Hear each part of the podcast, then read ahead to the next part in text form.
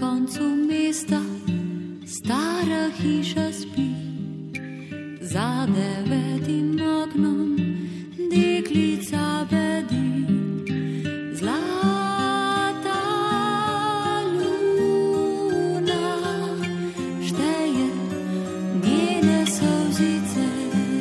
שלום וברוכים הבאים לעושים רוח, פרק יום השואה שיעסוק ברגינה יונס, האישה הראשונה שהוסמכה להיות רבה, אך בטרם הספיקה להיחקק בתודעת העם היהודי, היא נספתה באושוויץ.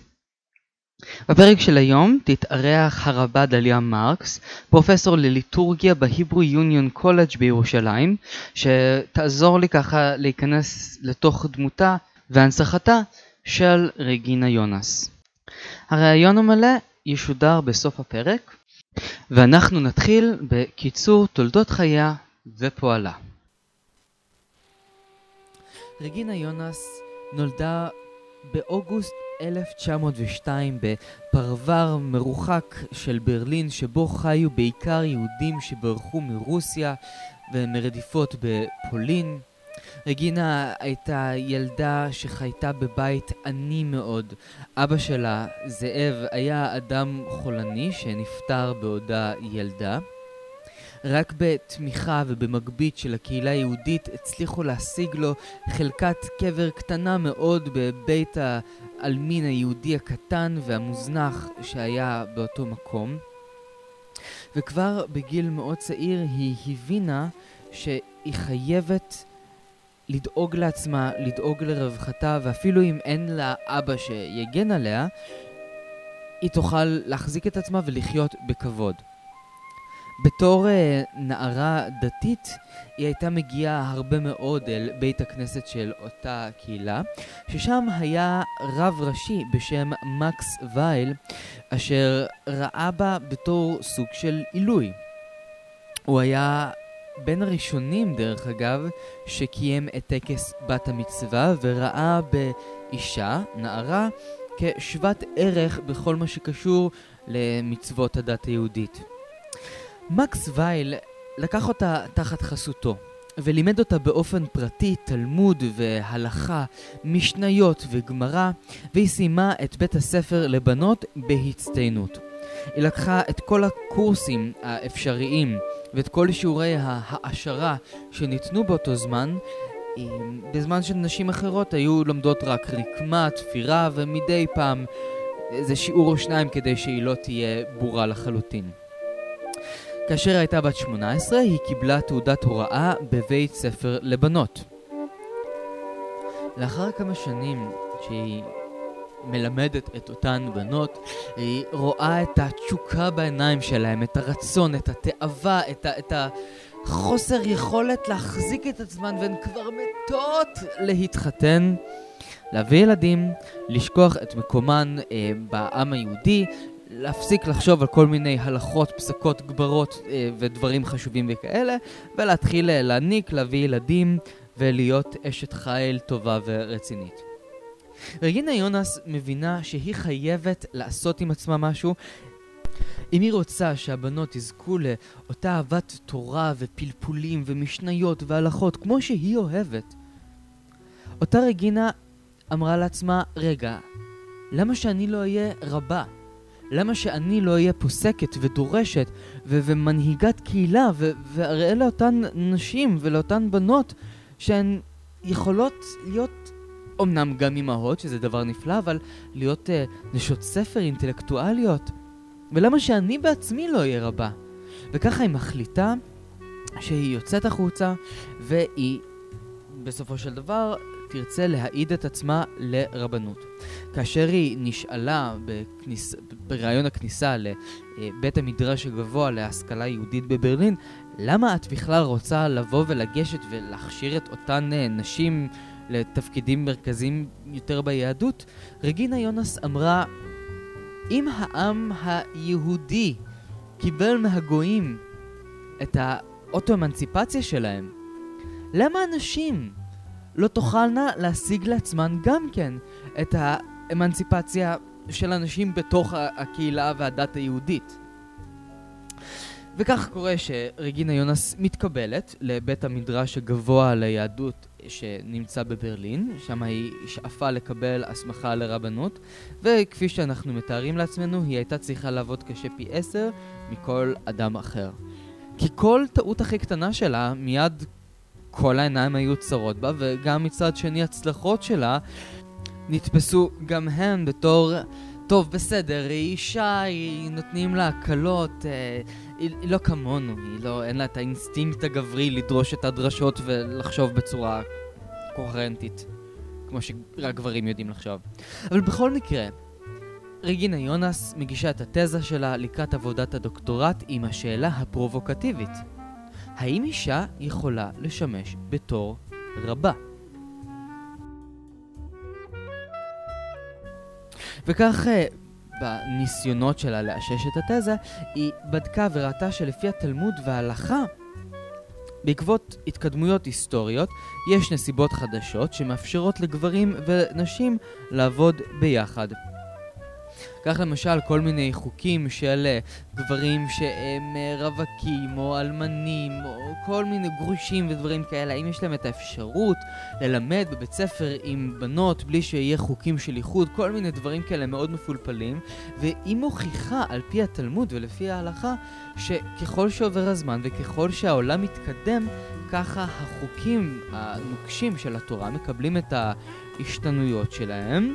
והם מבינים שהעולם צריך uh, להתקדם, וגם הדת היהודית, על מנת להשתמר, היא צריכה להתאים את עצמה. כמו עץ שמתכופף ברוח ושורד לעומת עץ איתן שפשוט עומד מול הרוח ונשבר. וכך קורה שהיא טוענת בעבודתה שהמכשולים שעומדים בפני נשים אלו דעות קדומות מהעולם העתיק ומימי הביניים. אישה יכולה להיות רבה מבלי שתשנה את היהדות ומבלי שתעבור עבירה כלשהי. היא מתבססת על ההשוואה של אה, מה שאמרתי קודם על גברים לא נשואים או אלמנים שקיבלו את אותם אישורים לשהות בחדר אחד עם אה, בנות בית ספר מבלי שהדבר אה, יהיה איזשהו אה, גורם לקלקול במרכאות ביהדות. ולכן גם נשים יכולות. אדם שנתן את הגושפנקה ואת הדחיפה של אה, רגינה יונס היה דוקטור אדוארד ברנד, שהוא היה גם המנחה שלה בכתיבת העבודה, וממש סמוך להגשה שלה הוא נפטר, והיורש שלו, אה, דוקטור חנוך אלבק, סירב לחלוטין לאשר את דבר קבלת העבודה, הוא אפילו לא היה מוכן לשמוע על כך.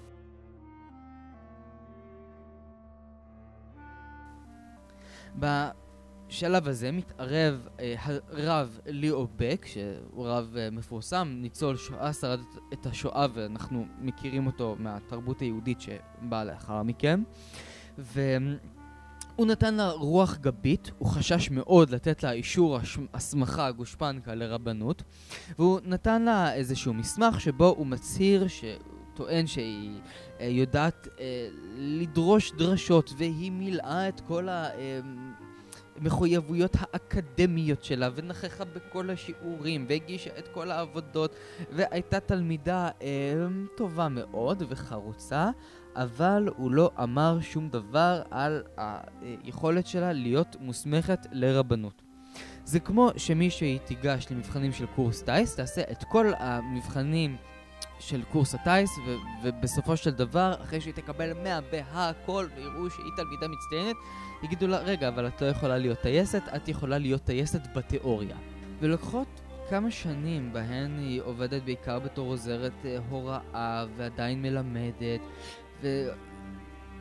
ומפה לשם מתגלגלת ברחבי גרמניה, עד שלבסוף אדם בשם מקס דיאנמן נתן לה את ההסמכה לרבנות. הוא היה הרב של קהילת אופנבך. בשנת 1935 היא מוסמכת להיות הרבה האישה הראשונה בהיסטוריה. אפשר uh, כבר לראות בשנים לאחר מכן, שנים מאוד קשות דרך אגב לקהילה היהודית, 1937 היא לימדה um, הרבה מאוד בכל מיני מוסדות שוליים באותו זמן. בית ספר לעיוורים ובבתי אבות, כל מיני דברים כאלה שהם בשולי הקהילה. באחד הנאומים המפורסמים שלה היא אומרת ש... אני מצטט, הגעתי למקצועי הודות להכרה דתית אלוקית שהאלוקים עצמו אינו מדכא שום ישות אנושית ולכן הגבר אינו יכול לשלוט באישה או לכבוש עמדה של עליונות רוחנית עליה. באותו זמן היא נתפסת כאמור בתור איום על הממסד הגברי היהודי, כלומר למה שאנחנו נפנה מקום לנשים, ממילא אה, כיסאות כאלה של בתי המדרש צפופים מאוד. אבל רק אחרי עליית הנאצים לשלטון, היא מקבלת את החיזוקים שלה ומתחילה להיות רבה פול טיים ג'וב. כלומר, בזמן שהרבנים הראשיים של קהילות רבות בגרמניה מגורשים, נשלחים למערצ... למעצרים, או, או שהם אה, עוברים כל מיני אה, טרנספרים, או מנסים לדכא את הקהילות, היא מקבלת עבודה בתור אה, רבה, וכאשר אין יותר ברירה ויש מקומות שפשוט חייבים רב, אומרים בסדר, קחי את זה, את uh, תעשי את שלך, אבל בעדינות, כי עם כל הכבוד את אישה, וכמובן שאת לא יכולה לעשות מה שגבר עושה. אבל רגינה יונס הופכת להיות מרבה לסוג של אימא תרזה. והופכת להיות האוזן הקשבת של כל אותן הקהילות. והיא עוזרת לנשים שהבעלים שלהם גורשו, או שנעלמו, או שהוכו, או שכל הפרעות שהיו שם, ובליל הבדולח, והיא תמיד הייתה שם ועמדה שם ועזרה, וגם בתקופות שהיהודים נשלחו לכל מיני אה, עבודות כפייה, והיא נשלחת לעבוד 12 שעות ביום בעבודות כאלה של קרטון עם כל הנשים, היא מסיימת את העבודה וממשיכה את הפעילות שלה למען הקהילה. לדעתי, אם היו צריכים לתת בדיעבד, היסטורי, תיקון, של פרס הנובל האולטימטיבי לשלום, הוא היה חייב ללכת לרגינה יונס.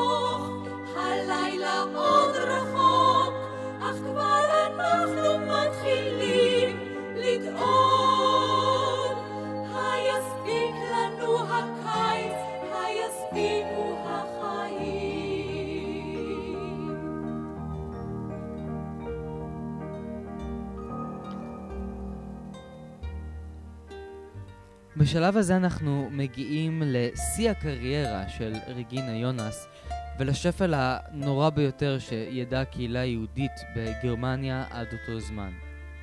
השנה היא 1941 ורגינה יונס הופכת לרבה הראשית של העיר פרנקפורט, שזה בלתי נתפס מבחינת הגודל של הקהילה, אבל זו הייתה קהילה במצב מאוד קשה באותו זמן.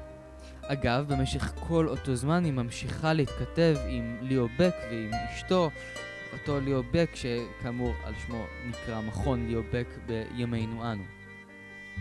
רגינה יונס, אמ, כל אותו הזמן, אגב, נותרת רווקה.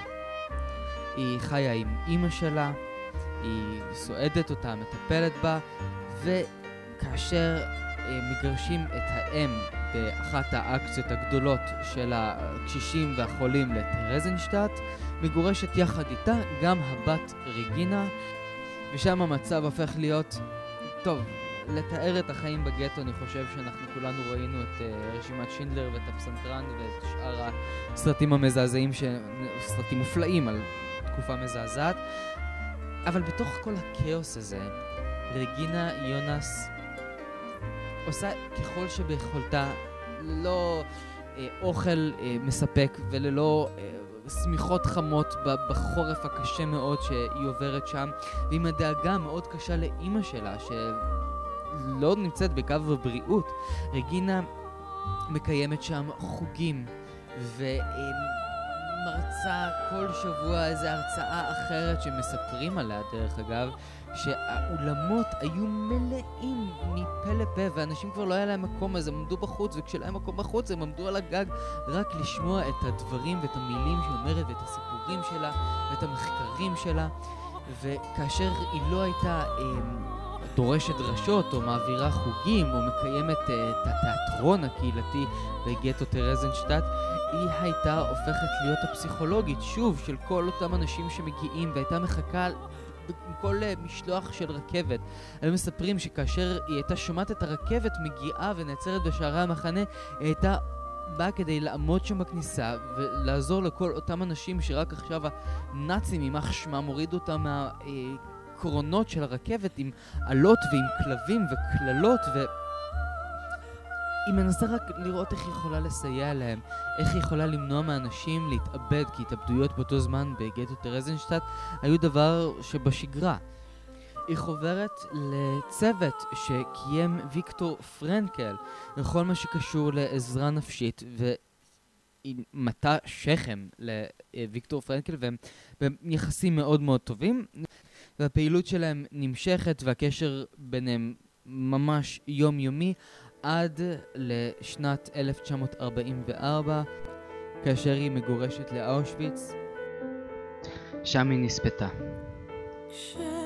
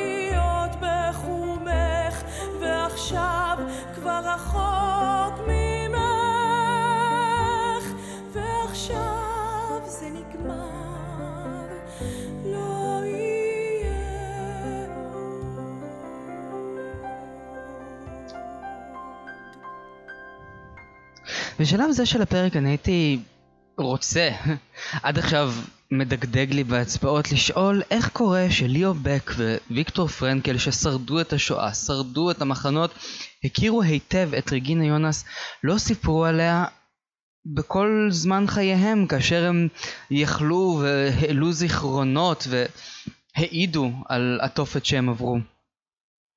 אבל אי אפשר לעשות את זה מכיוון שאין שום סיבה לשאול אדם ששרד את הדבר הזה למה הוא סיפר על אנשים כאלו ועל אנשים אחרים הוא החריש ולא סיפר. אבל כדי לדעת מה מקומה של רגינה יונס בתרבות היהודית ובפרט בתרבות היהודית הרפורמית, אני קיימתי ראיון עם הרבה דליה מרקס, פרופסור לליטורגיה בהיברו יוניון קולג' בירושלים. בראיון הזה אני ניסיתי להיכנס קצת יותר לתוך הדמות של רגינה יונס. שלום לרבה דליה מרקס, תודה רבה שאת נמצאת איתנו. אהלן. טוב, אז uh, אני רוצה להתחיל בשאלה ככה כללית. אני הייתי רוצה לדעת מה הקשר שלך, הרבה, פרופסור דליה מרקס, לרגינה יונאס. אה, תראה, הקשר שלי לרגינה יונאס הוא בראש ובראשונה קשר של בושה, שלא ידעתי עליה. Mm. כי כשאני למדתי בבית הספר לרבנות, אה, סיימתי בשנת 2003, אה, כולנו כבר סלי פריסנד מארצות הברית, שקיבלה סמיכה לרבנות בשנת 1972, בתור האישה הראשונה בהיסטוריה שקיבלה סמיכה לרבנות. ככה דיברנו, ככה למדנו, ככה לימדנו, זה היה ההיסטוריה. ורק פתאום, אה, הרבה יותר מאוחר, כשהייתי בברלין אה, כמרצה אורחת, פתאום שמעתי שהייתה אישה שכמעט ארבעה עשורים לפני כן הוסמכה לרבנות, והיא נשכחה לחלוטין, וזאת אה, רגינה יונה.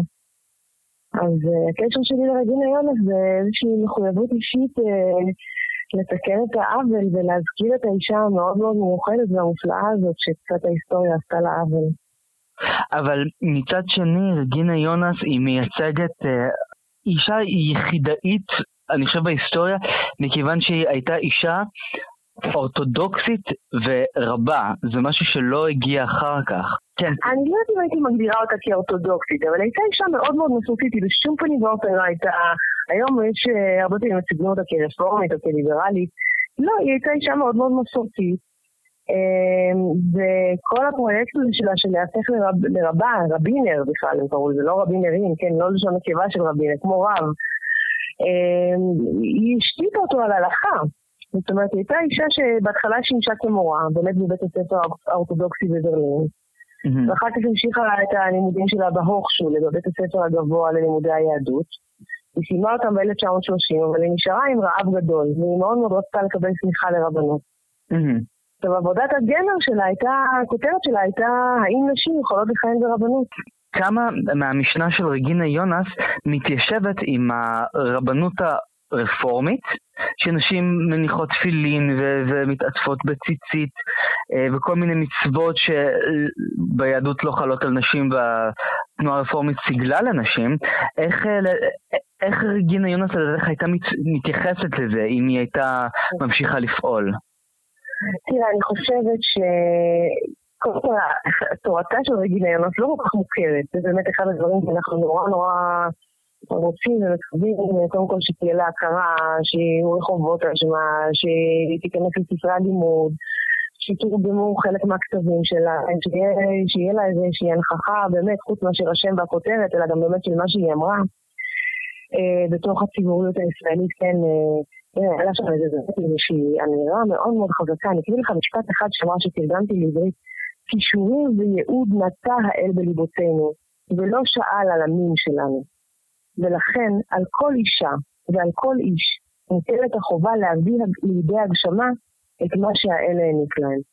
אני אומרת כאן משהו שהוא מאוד, אה, אולי מובן מאליו לרבים, אבל מאוד מאוד חזק בימיו, שעצם הדמיון עצם העלאה על הדעת של אישה רבה זה היה משהו שהוא בכלל לא, לא, לא בספקטרום של מה שאנשים יכולו לעלות על הדעת.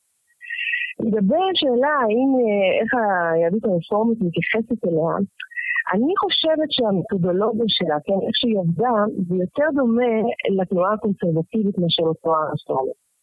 כי התנועה הרפורמית הרבה פעמים אומרת, יש בהלכה דברים שאנחנו פשוט לא יכולים לקבל אותם. ואנחנו, ואנחנו פשוט לא יכולים לקבל אותם, ואנחנו נשנה אותם. למשל אה, יחס אה, מפלה לגויים, יחס מפלה לנשים. בתנועה הקונסרבטיבית המתודולוגיה היא קצת אחרת. בתנועה הקונסרבטיבית הרבה פעמים מחפשים איך אפשר בכלים הלכתיים להוכיח שהדעות האלה הן לגיטימיות. כן, אז לפעמים זה קצת, אה, בחוגים הרפורמיים אומרים להם, תשמעו, אתם אה, מסמנים את המטרה מסביב לחטא שיריתם, כן, אתם קודם כל אה, מנסים להגיע לאן שאתם מגיעים, ואחר כך רואים איך זה מסתדר עם, ה, עם ההצדקה ההלכתית. והטענה ההפוכה של הקונסרבטיבים כלפי הרפורמים, כן, אבל אנחנו עושים את זה בכלים יהודיים אה, אותנטיים, והרפורמים מאוד יותר אומרים, יש דברים שבאמת המסורת שלנו והמוסר שלנו לא יכולים להשתלב בדברים שנמצאים בתוך ההלכה, ולכן אנחנו משנים אותם, כמו שחז"ל אה, עשו בזמנם, עם הפרסבול ועם צורר ומורה וכו'. כך שמבחינה הזאת, אני חושבת ש... שתנועה קונסרבטיבית אפשר למצוא הד יותר גדול לסוג עבודה כמו שעשתה רגינה יונס. ומה באמת אה, לגבי ההנצחה של רגינה יונס בחברה הרפורמית? אז זהו, יש, היה בנובמבר השנה כנס אה, מאוד מאוד גדול אה, לציון 80 שנה להצלחה שלה. היא הוצלחה בשנת 1935, שזה בדצמבר 1935, ממש חודשים ספורים אחרי חיקוק, חיקוק חוקי נירנברג, שאתה, כן, אתה יכול לתאר לעצמך באיזה אווירה ובאיזה קושי זה היה. דרך אגב, זה היה ראש חודש כזה, תאריך הצמיחה שלו. אוקיי. אז אה, צוין, צוינו 80 שנה אה, להסמכתה בכנס גדול בברלין, שעם רבות אה, מהעולם כולו, ומרצות וגם מרצים, דברים, אה, שעסקו בנושא של אה, רבנות נשית. אה, יצא ספר אודותיה, יצא דיסרטציה של העבודה של התזה שלה ללימודים כאן שכותרתה, כמו שאמרנו, האם נשים יכולות לכהן ברבנות, אבל עדיין בישראל היא לא מוכרת כמעט בכלל בכלל. ולכן הכתבה שלך כאן היא מאוד חשובה. אני בהחלט מקווה שזה, שזה יעזור אפילו בקצת, אבל מה, מה קורה לגבי התנועה הרפורמית שבאמת, אה, חוץ מזה שהיא נאבקת על הכרתה בתור תנועה ובתור תנועה לגיטימית בישראל, אה, אני מניח שאני צודק? שהיא נאבקת להכרתה? כן, בוודאי. כן. בוודאי. דרך אגב, לא כל כך בציבור, כי הציבור... הרחב יותר ויותר פתוח אלינו, יותר ויותר מוכן לשמוע, מתעניין, הרבה פעמים מסכים, הרבה פעמים אנחנו מקבלים אה, דעות מאוד מאוד חיוביות ואוהדות והרבה רוח גבית, הבעיה שלנו היא לא עם הציבור, הבעיה שלנו גם לא עם האורתודוקסיה. הבעיה שלנו זה עם הממסד הדתי, כן, אין לי שום בעיה עם אנשים אורתודוקסיים, ההפך, יש לי בעיה עם מי שמנסה לכפות עליי בצורה ממסדית וממשלתית וממלכתית את הדרך שלו ביהדות. זאת הבעיה שלנו. כן? שם אנחנו נאבקים להכרה. בהקשר הלאומי והמדיני. זו, זו, זו בעיה מאוד גורפת ב, במדינה, אבל כשאני מנסה להתייחס למאבק שלכם להכרה, איפה נמצאת אה, רגינה יונס? האם היא נמצאת כחלק מתוך זה? כי היא מייצגת משהו מדהים. יש לה, הסיפור חיים שלה הוא, הוא, הוא סיפור קורצ'קי. של העזרה לאנשים בגטו, של uh, עצם זה שאחרי ימים בעבודות הכפייה היא, היא עזרה וסייעה. כלומר, יש פה סיפור שלדעתי אפשר, את יודעת, הצגות ילדים. אמ, תראה, לשאלתך לא מספיק, אבל יותר ויותר יצא סרט מאוד יפה שנקרא רגינה. ומראים אותו בכל מיני מקומות. אה, אני יודעת שחברותיי הרבות אה, מדברות עליה, אמ, סביב תאריך התמיכה שלה נעשים אה, אירועים בקהילות השונות שלנו. אבל באמת זה ברמה היותר סימבולית, זה לא כל כך ברמה הקונקרטית, כי ברמה הקונקרטית אנחנו כבר, איך לומר, אנחנו כבר שם. Mm-hmm.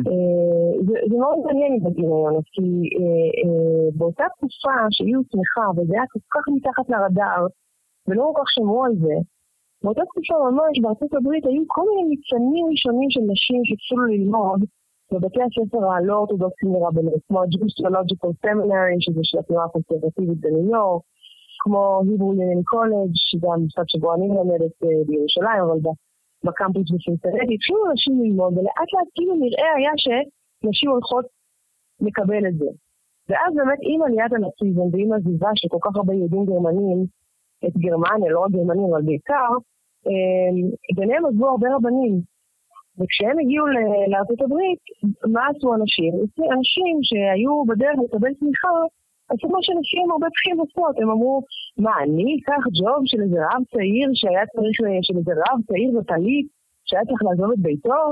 וככה הם פינו את מקומם לרבנים שהגיעו מאירופה, ושמיכת הנשים בארצות הברית נדחתה לעוד עשורים רבים, כאמור עד 1972. Mm-hmm. לעומת זאת, באותו זמן באירופה, שנשארה כמעט בלי רבנים, כן, ידועה האמירה של אה, הרב לאו בק, שהיה ראש הקהילה היהודית של גרמניה, הוא אמר, אני נשאר בגרמניה כל עוד יש מיליון אנשים יהודים אבל הוא עצמו ניסה ממש לדחוף, אומרים ממש פיזית, להעלות אנשים על האוניות ולשלוח אותם לארץ ישראל, לארצות הברית, לדרום אמריקה, להוציא את היהודים מגרמניה. הוא עצמו נשאר, אבל משתדל להוציא את היהודים מגרמניה. באותו זמן שארצות הברית התמלאה ברבנים שהגיעו מאירופה, אירופה התרוקנה מרבנים, בגלל באיזשהו מקום נתן את המקום לרגינה יונס לקבל את שמחה. כלומר, היה כאן גם משהו קצת פרגמטי בהסמכה שלה, כי היה צריך, היו צריך ידיים עובדות, בואו נגיד את זה ככה. והיא הייתה שם, היא הייתה מוכנה לעבוד, היא הייתה כנראה אישה מאוד מאוד חרוצה, מאוד רוחנית, הייתה עושה שיעורים ודרשות, לא הייתה לה קהילה משלה, אבל היא אה, לימדה והיא הסתובבה בין הקהילות, ובאמת אה, אה, היא עשתה עבודה קהילתית מאוד מאוד חשובה, ככה גם לעידוד המורל, וכמו שאתה אמרת, היא גרושה לטרזנשטאט בשנת 1942, יחד עם האימא שלה. וגם שם היא המשיכה לעבוד כיועצת רוחנית בגרמנית שנקרא זלבורגר. לצידו של, אה, לצידם של אנשים שאנחנו מכירים, אה, מכירים אותם, ששרדו את השואה, למשל ויקטור פרנקל, הפסיכיאטר הנודע שכתב אחרי השואה את אה, האדם מחפש השואות. נכון? והיא, אחד התפקידים שלה היה באמת אה, התפקיד ה... קשה לי לדמיין איך עושים אותו. לקבל את את פניהם של היהודים שהגיעו במשלוחים לטרזנשטאט. ולסייע להם להסתגל לתנאי החיים הבלתי ישנים שנכפו עליהם. ניתן בהרבה יותר הרצאות ושיעורים והרצאות בתיאטרון, כדי ככה קצת אה, להסיח את דעתם ולשמור על צלם האלוהים שבהם. והאם לדעתך היו אולי עוד נשים שהיו בדרך, או אולי שאנחנו לא יודעים עליהן, אולי ששמן אה, נמחה לחלוטין, או שלדעתך היא באמת עשתה משהו שאף אישה לא עשתה? אני חושבת שבסצנה האירופאית, אה, רגינה יונס הייתה די יחידה במינה, ממש מה שנקרא סווי ג'נרית. בארצות הברית אנחנו כן שומעים על נשים דרשניות, וכמו שאמרתי, נשים שלמדו בבית הספר לרבנות, אם כי כל אחת מהן ככה פרשה ברגע האחרון ופינתה את המקום שלה למישהו אחר. וכן, יש ספר שלם של אה, אה, פמלה נדל, שנקרא Women Who Would Be Rabbis, כן? נשים שהיו יכולות להיות אה, רבות, ולא הפכו להיות רבות. כן, אז אנחנו באמת חיים היום בתקופה, אני באמת אסירת תודה, עם כל התלאות והקשיים של ימינו, שאנחנו חיים בתקופה שבה אנחנו יכולות אה, באמת אה, לתפוס את מקומנו על בימת ההיסטוריה, לעשות דברים משמעותיים. כמובן לאורתודוקסיה, לאורתודוקסיה המודרנית, שגם שם, אה, גם בארצות הברית וגם בישראל, מסמיכים נשים לרבנות, וזה באמת משהו שהוא מעניין. במיוחד, כן, יש נשים אה, מאוד מאוד מלומדות, מאוד רציניות, לימדות תורה. דוק, הרבה דוקטור, דליה מרקס, איזה כיף שאת מוציאה אותנו. פרק של יום השואה, אבל עם המון תקווה. כן, באמת אה, הרבה רגינה קיצה היה קץ אה, עצוב וטרגי, אבל אה, היא אישיות, אישה שנותנת לנו השראה רבה, וגם מחויבות רבה אה, להמשיך לעשות טוב ולפעול טוב בעולם, ושכל האיש וכל אישה יזכו אה, להביא גאולה לעולם בדרכם שלהם. זה אה, זיכרון, השואה, לדעתי, בצורה הטובה והטהורה ביותר. כאמור, שוב, תודה רבה לרבה דליה מרקס, פרופסור לליטורגיה בהיברו יוניון קולג' בירושלים. אה, תודה רבה לכם שהאזנתם לנו, ואנחנו נתראה שבוע הבא עם פרקים אופטימיים, שמחים, שבוע האירוויזיון, אז uh, הולך להיות מאוד מעניין, גם סיקורים משוודיה, שאני לא אהיה בה, גם uh, דיבורים עם כל מיני כתבים, ליאון קיכלר ממאקו, ועוד כל מיני הפתעות מעניינות שיהיו לנו. תמשיכו ליהנות מפודקאסטים, ושיהיה למי שמאזין היום יום שואה משמעותי. תודה רבה.